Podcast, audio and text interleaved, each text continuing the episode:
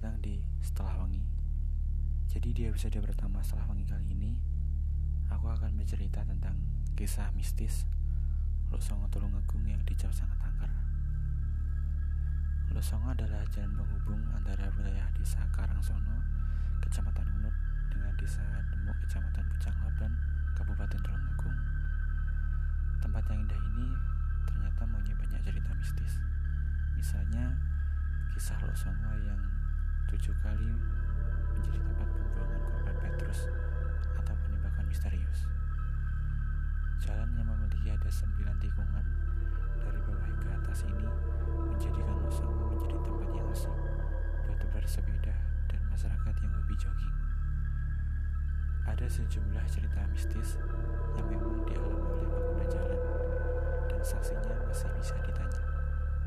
Contohnya, Sering tiba-tiba pengguna jalan yang naik sepeda motor pingsan setelah memasuki desa Demo. Setelah sadar, mengatakan bahwa mulai dari uh, tikungan kuburan hingga naik ke atas, ia dibarengi wanita cantik. Namun, sesampainya di atas, wanita yang diboncengnya tiba-tiba menghilang.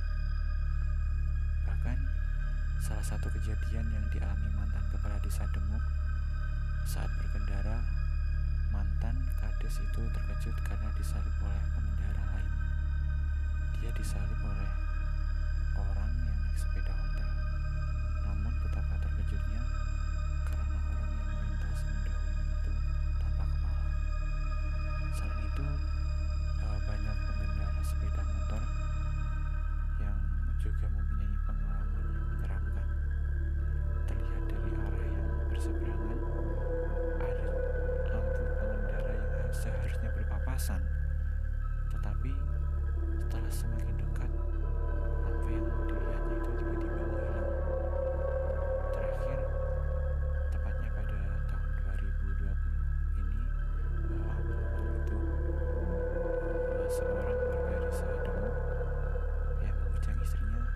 jatuh di hutan karena tidak parah dirinya berusaha bangun untuk melanjutkan perjalanan pulang ke rumah.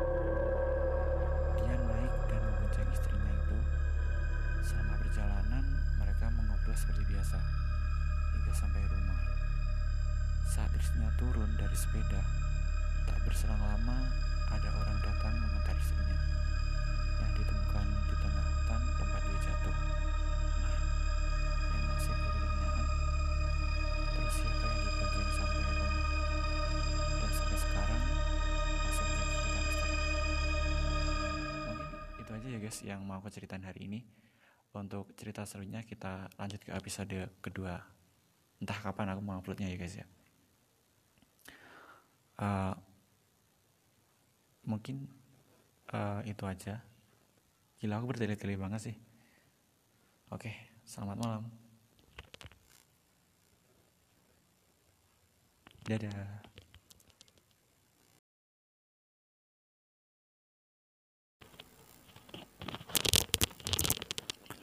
Halo guys, selamat datang di Setelah Wangi.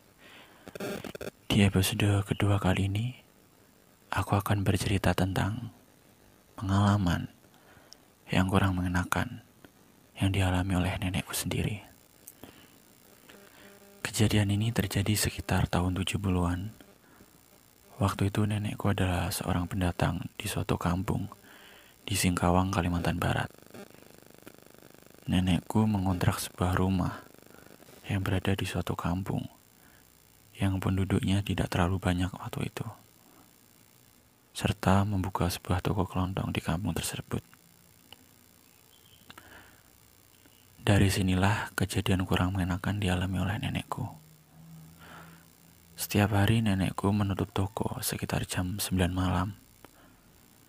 Di hari pertama nenekku menempati rumah tersebut, nenekku mendengar tangisan serta suara meminta tolong dari belakang rumah. Karena nenekku penasaran dengan suara tersebut, nenekku memutuskan untuk melihat ke belakang rumah. Dan setelah dilihat ke belakang rumah, ternyata tidak ada satu orang pun di sana. nenekku sedikit ketakutan dan memutuskan untuk kembali ke dalam rumah. Keesokan harinya, nenekku bercerita kepada tetangganya tentang apa yang didengar semalam dari belakang rumah. Tetangga nenekku bilang, itu sudah biasa bu, tidak usah dihiraukan lagi. Seolah-olah para tetangga nenekku sudah terbiasa mendengar suara tersebut. Sedikit informasi, rumah yang ngontrak nenekku ini belakangnya adalah sebuah pemakaman umum terbengkalai yang sudah cukup lama. Dan mungkin itu juga yang membuat tetangga nenekku bilang seperti itu. Kejadian tersebut hampir terjadi setiap malam, yang membuat nenekku menjadi kurang betah meninggali tempat tersebut. Ada suatu kejadian yang membuat nenekku memutuskan untuk keluar dari rumah tersebut. Suatu hari nenekku menutup toko lebih malam, sekitar jam 10-an. Karena sudah capek, nenekku memutuskan untuk bersih-bersih dan segera beranjak ke tempat tidur untuk segera tidur karena terlalu lelahnya.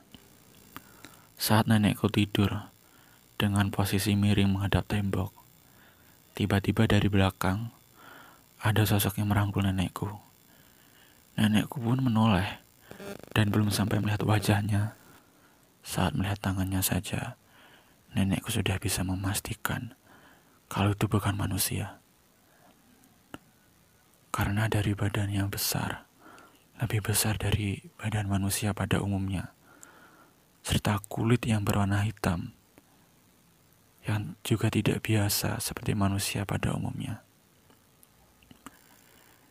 Nenekku ingin berteriak waktu itu, tapi karena saking takutnya, hingga nenekku berusaha untuk berteriak hingga akhirnya terdengar oleh tetangga.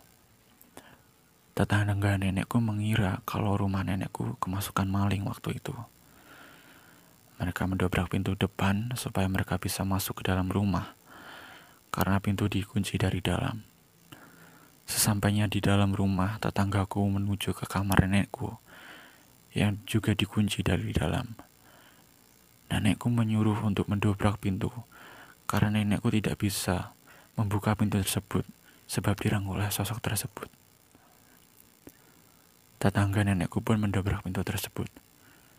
Dan dengan tiba-tiba, sosok tersebut hilang dengan sekejap mata. Nenekku pun menceritakan apa yang telah terjadi padanya kepada tetangga.